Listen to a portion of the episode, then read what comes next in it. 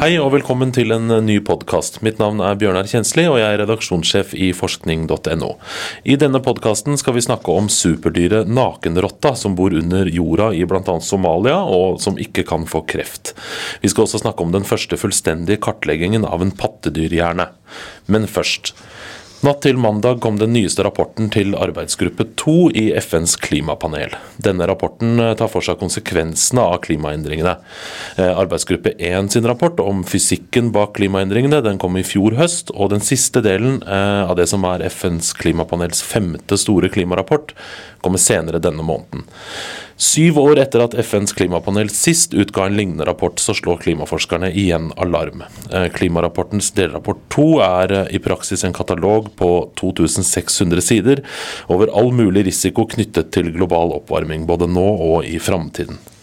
Eh, det har kommet veldig mye mer eh, forskning om klima eh, siden sist klimarapport kom ut i 2007. Den sier ikke så mye annerledes enn det de tidligere klimarapportene sier, men den er litt sikrere på noen ting og litt mer usikker på andre ting. En av de tingene som har blitt slått opp mye, er matsikkerhet. Eh, produsenter av en del viktige eh, matvarer, altså land som produserer, de kommer nok til å slite i framtida, bl.a. med å dyrke hvete og mais. Eh, global sikkerhet er et spørsmål som blir tatt opp. Man regner med at kanskje land kommer til å, å øke konfliktnivået mot hverandre pga. ressursknapphet. Det blir nok, kan bli større ulikhet i verden, altså flere folk kommer til å bli enda fattigere.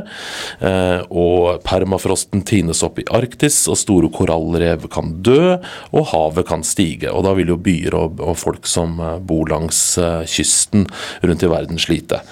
Men eh, dette har jo klimarapporter sagt før også. Eh, men likevel så har eh, disse ganske eh, drastiske nyhetene ikke ført til de store politiske endringene i verden. og det har ikke vært har ikke blitt gjort så veldig mye med klimaendringene ennå. Og utslipp fortsetter å øke i mange av de store utslippslandene, bl.a. i Norge. Journalist Marianne Nordahl, du skrev sak denne uka her om, eh, om, dette, hvor du snakket med en av de norske hovedforfatterne på den siste klimarapporten. Eh, Asuncion Lera Senkler er forskningsdirektør ved CICERO, og hun sier til deg at hun tror denne femte rapporten fra FNs klimapanel vil bli litt annerledes, og at politikere nå kanskje vil handle litt mer da, på bakgrunn av, klimarapporten. Hva mener hun egentlig med det?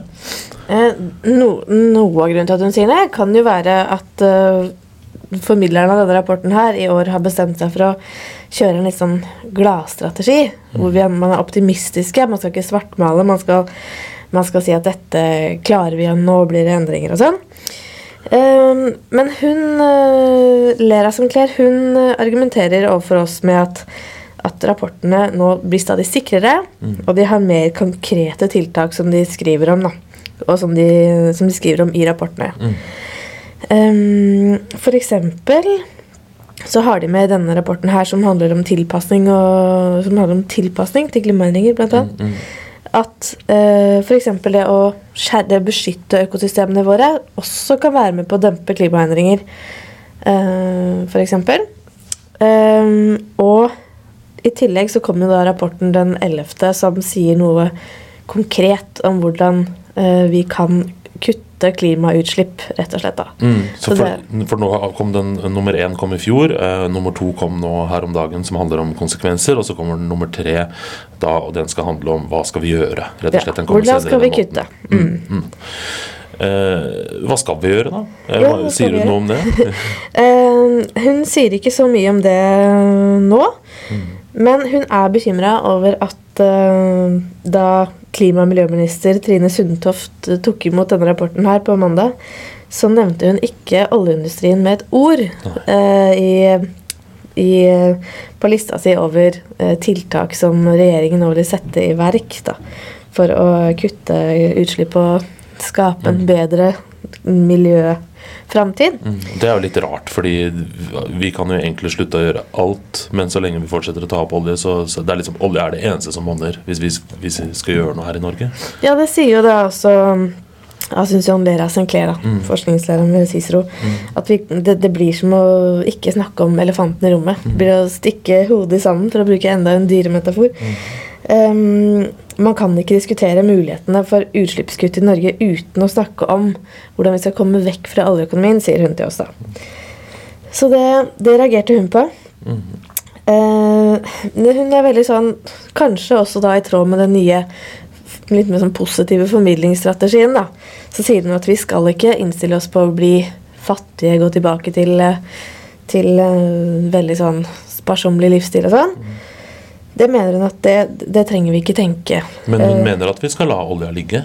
hun mener at vi ikke kommer bort fra at vi må dit, Mm. men at vi ikke kan At, eh, at det er urealistisk og Både urealistisk og unødvendig å bare kutte tvert, da. Mm. Men um, det hun sier, er at, at vi er nødt til å ehm, At det vil kunne være mulighet for å bruke ehm, bruke strukturen som vi bygger oljesamfunnet på, til å kunne, til å kunne gå over til en mer miljøvennlig eh, til et mer miljøvennlig system. Mm. Både det høye utdanningsnivået vi har, og det at vi har gode teknologisk, god teknologisk kompetanse. Mm. Det har vi hørt om før, å bruke oljeingeniørene til å bygge vindmøller Ja. offshore Mm. Ikke sant? For eksempel. Fordi eh, denne nye positive måten å formidle klimarapporten på er ganske annerledes enn det vi har gjort før. Jeg husker jo klimarapporten kom i, i 2007 sist, og når det var det klimamøtet i 2009, så var det jo sånn nå går verden under-stemning. Det det er noe helt annen stemning nå. Så, det, så hun her tror det kommer til å funke, altså.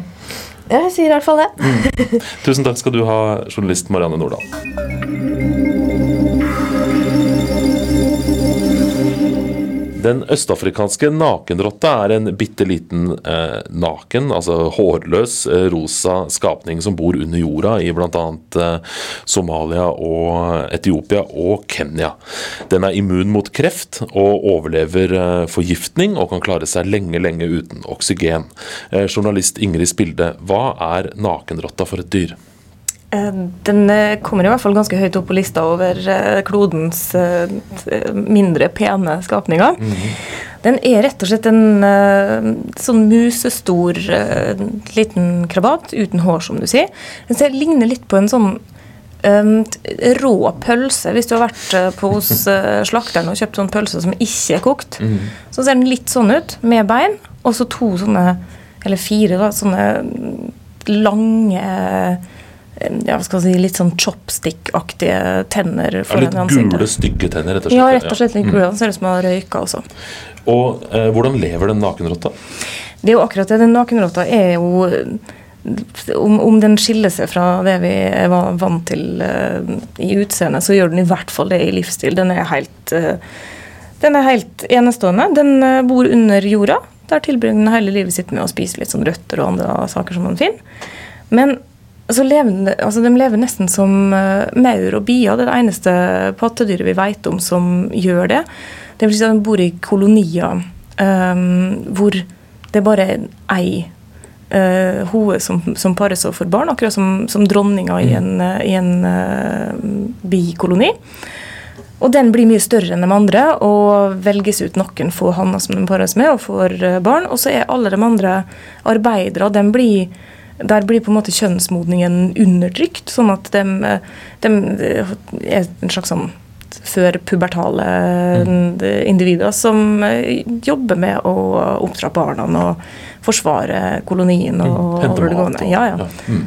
og grave tunneler og sånn, for de bor, ja, de bor ganske langt under jorda. Det gjør de. Mm. Men de er ikke bare morsomme å se på disse nakenrottene. Forskerne er også veldig interessert i de. Hvorfor det? De eh, er superdyr, rett og slett. Du skulle ikke tro det når du ser dem, men eh, ja, det, dette her er snakk om dyr som er bitte små, men de lever utrolig lenge. En sånn liten rotte kan leve i 30 år. Um, og eh, hvis du, altså hvis du sammenligner med andre pattedyr, så er det helt eksepsjonelt. Fordi uh, veldig ofte så er det sånn at uh, det er et forhold mellom hvor stor man er og hvor lenge man lever. Det har, man, det har kanskje dem som har hatt små kjæledyr fått uh, oppleve. Det, det er ikke så mange år man får glede av musene og rottene og hamstrene eh, hjemme. Mens store dyr som store aper eksempel, kan leve kanskje i 40-50 år, og elefanten 70 år kanskje. Men, og, og i, i dette regnskapet så skulle nakenrotta vært en sånn eh, ettårs-, toårsskapning, eh, men de lever i 30. Ja. hva er det de driver med som gjør at eh, de kan leve så lenge? Og det er faktisk bare én annen skapning på jorda som matcher dem i altfor lange liv, og det er oss mennesker. Så vi eh, har visse likhetspunkter til eh, nakenrottene, faktisk. Ja, og vi, har jo også, vi er jo også nakne, for så vidt. I faktisk, faktisk også. vi ligner jo, ligner litt på Det Vi er mye penere, da. Mm. Men uh, de er også fruktbare nesten helt fram til uh, de dør. Altså De er jo fruktbare kan, Man kan jo sammenligne med mennesker. Altså De er fruktbare som om vi skulle vært det når vi er 70-80 år gamle. liksom Ja, jeg, jeg- altså jeg fikk jo høre om disse nakenrottene på et, uh, en sånn arbeidsmøte med forskere som jobber med utradisjonelle forskningsdyr. Og eh, hun professoren som snakka om det, som heter Rochelle Bøffenstein, hun viste fram bilder. Og da var det en eh, fullt fruktbar 27 år gammel nakenrotte som bare spant rundt på et sånt, eh, en sånn tredemølle i full vigør, og det tilsvarer jo ja, sånn 90-åring eh, i fullt firsprang. Um, og hun sa at den viser ikke sånne aldersrelaterte forandringer av kropp, kroppen før tilsvarende 90-åringer i, eh, hos mennesker. Da kan du liksom tenke, da, når du eh, for, for oss eh, så begynner vi å bekymre oss for uh, rynker og litt sånn uh, grå hår og skranten rygg i 40-åra. Og så er det så lenge igjen av livet, mens de bare fortsetter og fortsetter, og fortsetter nesten til de dør. Så de er veldig spesielle sånn, og de tåler jo også eh, alt mulig. De har testa ut disse forskerne. Eh, blant annet så ble de veldig interessert i kreft, fordi de så at eh, disse dyrene hadde jo aldri kreft. Og så tenkte de kan vi gi dem kreft? Og så prøvde de det, det er jo litt slemt. Men eh, resultatene har i hvert fall vist at eh, du, du kan ikke gi dem kreft. Det som behandling som eh, gir andre dyr, f.eks. mus, som er sammenlignbare, eh, kreft i nesten hvert tilfelle, det, der går de i uke etter uke og måned etter måned, og ingenting skjer. Ja, for de har faktisk eh, gitt de kreftfremkallende stoffer og økt og økt dose eh, og prøvd dette her over mange, mange uker, og det skjer ingenting. Nei. Nei, Så de er immune mot kreft. Men de tåler også eh, å ikke få luft. Ja, de har også kjørt eh, forsøk med, med det, og de tåler, være, de tåler å være uten luft i 25 minutter. Og da fortalte hun eh, Bøffenstein som snakka om det, at eh, da er det sånn at du kan, hvis, hvis du tar dem ut av eh, et forsøk med eh, mangel på luft etter 23 minutter, så blir de helt friske igjen. Eh, de har sett på nerveaktiviteten at eh, den går ned mens de er i den veldig farlige situasjonen. Og så går den opp igjen og blir helt normal igjen etterpå. Så det går en slags dvale, litt sånn som når man blir kjølt ned. på en måte. Ja, noe i den dur. Men både dette med kreft og, og luft og at de blir så gamle og sånn, er er jo gøy, det. Men eh, kan vi bruke det til noe? Kan vi ta ut eh, kreftimmunitetsgenet fra nakenrotta og putte det inn i mennesket, f.eks.? Eller? Det er jo selvfølgelig det som er eh, det store målet, vil jeg tro, med en del av denne forskninga. Altså, vi lurer på hva er det de gjør, og kan vi gjøre det samme for å bekjempe kreft og alderdom hos, eller alderdomssymptomer hos oss mennesker. Og det er jo det de forsker på. Eh, de har sett på DNA-et, og det er liksom ikke, de finner ikke hele forklaringa der. For DNA-et til nakenrotter ble kartlagt sånn i 2011, tror jeg. Um, men det de ser på, er at uh, det, altså det spesielle med cellene til disse nakenrottene er at de rett og slett de stopper å dele seg når de, med en gang de får et litt ufordelaktig miljø, at en blir utsatt for gift f.eks., eller, eller uh, kreftfremkallende stoffer, eller uh, sånne ting, så stopper de å dele seg. Og det uh, kan jo høres litt rart ut, men det gjør jo at man unngår å bringe skader på DNA-et videre til neste celle, sånn at du, eh, du da får flere potensielle mutasjoner og eh, kan få kreft, f.eks. Um, og så har de også sett at uh, cellene hos disse nakenrottene ser ut til å ha et veldig effektivt system for å kvitte seg med ødelagte proteiner og skader i uh, cellene. Um, og i forhold til Altså, I forhold til andre dyr så, så holder denne mekanismen seg veldig i full vigør, selv om det blir utsatt for, uh, for gift, f.eks. Uh, så de har tydeligvis et, eh, et veldig robust system for å reparere skadene de får underveis. Og det kan være noen av mekanismene bak dette her, men de forstår det jo ikke helt.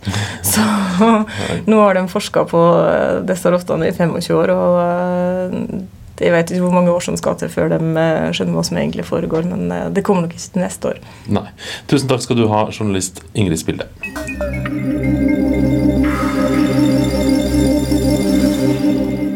Denne uken ble hele hjernen til et pattedyr for første gang kartlagt. eller Studien som, som, viser den kartleggingen ble publisert. Og Dette kartet viser hvordan grupper av hjerneceller i en musehjerne er kobla sammen. Og Fra før av så har man kartlagt bitte, bitte små hjerner til eh, bl.a. en rundorm, men dette her er første gang eh, et pattedyr sin hjerne har blitt kartlagt. Journalist Arnfinn Christensen, hva, hva er dette her for en eh, oppdagelse? Ja, det er egentlig ganske stort, eller rettere sagt eh, fysisk ikke så veldig stort. Mm. Det er en mm. musehjerne det er snakk om. da. Og eh, Det er forskere ved Allen Institute for Brain Science. Det er finansiert av en av USAs eh, store filantroper, Microsoft-gründeren Paul Allen, mm. Som da faktisk legger ut alle de uh, opplysningene de her får som et slags hjerneatlas, Alan Mouse Brain Connectivity Atlas, som legges ut på internett, så alle kan se det. Mm. Det er veldig flott at det er åpent tilgjengelig for alle. Mm. Men det de har gjort, da, det er, eh, det er ikke, dessverre, ennå ikke å kartlegge en musehjerne ned til minste detalj. Men hvis du sammenligner dette kartet eller atlas over musehjernen med et veikart, så har de kartlagt eh, de store motorveiene mellom de største byene, som da er eh, senteret i hjernen. Men uh, dette er imponerende nok. altså Datamengden for denne musehjernen det er 1800 terabyte. En terabyte er jo omtrent størrelsen på harddisken i en vanlig PC i dag, så det blir som 1800 PC-harddisker, da. Og de har brukt eh, virus eh, som de har sprøytet inn i hjernen. Disse virusene de skader ikke hjernevevet, men de måtte jo ta livet av den stakkars musa da, for å kunne snitte opp hjernen i fine, små snitt. Men viruset sprer seg langs eh, hjernecellen ut til neste hjernecelle. og På den måten har de kunnet se disse forbindelseslinjene mellom hjernecellene i ganske mellomgrov, eller mellomfin, alt etter hvordan du ser på det skala. da. Mm. Musehjernen har 75 millioner hjerneceller Eh, leser jeg her. Mens ja. denne rundormen fra, som de hadde kartlagt eh, på 80-tallet, den hadde 302 hjerneceller. Ja, så, så, dette her er et kjempehopp da, i, i, kartleggingen av hjerne. Vil dette her kunne uh, si oss noe mer om hvordan en hjerne fungerer? Musehjernen er jo ikke så ulik en menneskehjerne, bortsett fra størrelsen. Ja, jeg snakket med mm, Jonathan Whitlock fra Kavli Institute for Systems Neuroscience her i Norge. Mm. Eh, han forklarte litt mer om dette. her, altså, eh, De har grovkartlagt musehjernen nå, men hvis de skulle kartlagt ned til hver minste lille forbindelseslinje For det er sånn at hver hjernecelle har, har mange tråder som går ut til andre hjerneceller. Da måtte de økt uh, oppløsningen, eller skarpheten på bildet, for å si det sånn. da. Bildene måtte vært 100 ganger skarpere. Mm. Siden det er et volum du skal registrere, så måtte du da hatt 1 million ganger mer data. Altså du måtte opp i 1,8 milliarder terabyte for å få alle forbindelsene i denne musehjernen. Mm. Men det er jo ikke i nærheten av en menneskehjerne? Nei, for uh, menneskehjernen har ikke 75 millioner uh, hjerneceller. Den har 100 milliarder hjerneceller. ja. Og hvis du skulle kartlagt alle forbindelseslinjene i en menneskehjerne. Mm. Da måtte du hatt så mye datalagring at hvert menneske på jorda måtte ha hatt 250 PC-er og fylt dem bare med data. Ja, Og ganske fete PC-er òg, med en ja, terabyte harddisk på hver. Harddisk på hver ja. Men det, dette er bare begynnelsen. Ja. For ennå så har vi bare snakket om forbindelseslinjene mellom hjernecellene. Vi har ikke snakket om, for å bruke veikartanalogien, da, vi har bare tegnet veiene, vi har ikke snakket noe om trafikken som Nei, går der. Trafikkbildet. ikke sant? For hva er det som skjer i en hjerne? Eh, det er noe annet enn det som skjer i en datamaskin. I en datamaskin er det ganske enkelt. Der er det enten strøm på eller strøm av. Én mm. eller null. Mm. Men i disse nerveforbindelsene, den strømmen den, den er modulert, den er kompleks. Det å skildre den er mye vanskeligere. Når du da har 100 milliarder nerveceller, så får du bare det å skildre strømmene som går mellom dem Det, det er flere kombinasjonsmuligheter mellom de nervecellene enn det er atomer i universet. Ja, og, Og enda da er du ikke ved begynnelsen, for da har du bare skildret hvordan strømmene går og hvilken fasong du er, men så skal du begynne å tolke dette her. Du skal begynne å skjønne hva er, hva er syn, hva er hørsel, for ikke å si hva er bevissthet. Her er det blåne bakom blåne av nivå over nivå av kompleksitet. Og det er heller ikke nok, for hjernen er ikke alene, som De Lillo synger. Eh, Den er, den er forbundet med resten av kroppen, så du må kartlegge resten av kroppen, hvordan den interagerer med hjernen. Og du må også, og hjernen og kroppen heller ikke alene, den interagerer med resten av verden, så det, må du også, det samspillet må du også registrere for å skjønne hvordan tankene virker. For en hjerne i vakuum eh, hjelper jo ikke. Det, en hjerne i en glasskolbe den eh, vil ikke ha noe særlig fornuft i seg i det hele tatt. Så du kan si at jeg vet at det finnes forskere som sier at nå er vi snart framme ved å løse alle eh, verdens og universets hemmeligheter, men det er sjelden jeg får lyst til å flire av noe, men, men det, det, det kan vi bare le av. altså. Ja, ja. Fordi nå har vi kartlagt eh, veldig grovt eh, en musehjerne. Ja. Vi er ikke i nærheten engang av en fullstendig kartlegging av en musehjerne. Og, og en menneskehjerne, det, det ligger langt fram i tid. Det, det, jeg vet ikke om vi noensinne kommer dit. Og så kan vi da begynne å snakke om to mennesker, sånn som vi som sitter og snakker med hverandre nå. Hvordan interagerer de? Ja. Det er bare å gi opp. Eller nesten, da. Ja. Men en stor nyhet var det i hvert fall. Ja. tusen takk skal du ha, journalist Arnfinn Christensen. Saken om den østafrikanske nakenrotta og også nyheten om eh, kartleggingen av musehjernen kan du lese på våre nettsider på forskning.no, og der kan du også se dekningen vår av eh, klimarapporten. Vi kommer tilbake med en ny podkast i neste uke.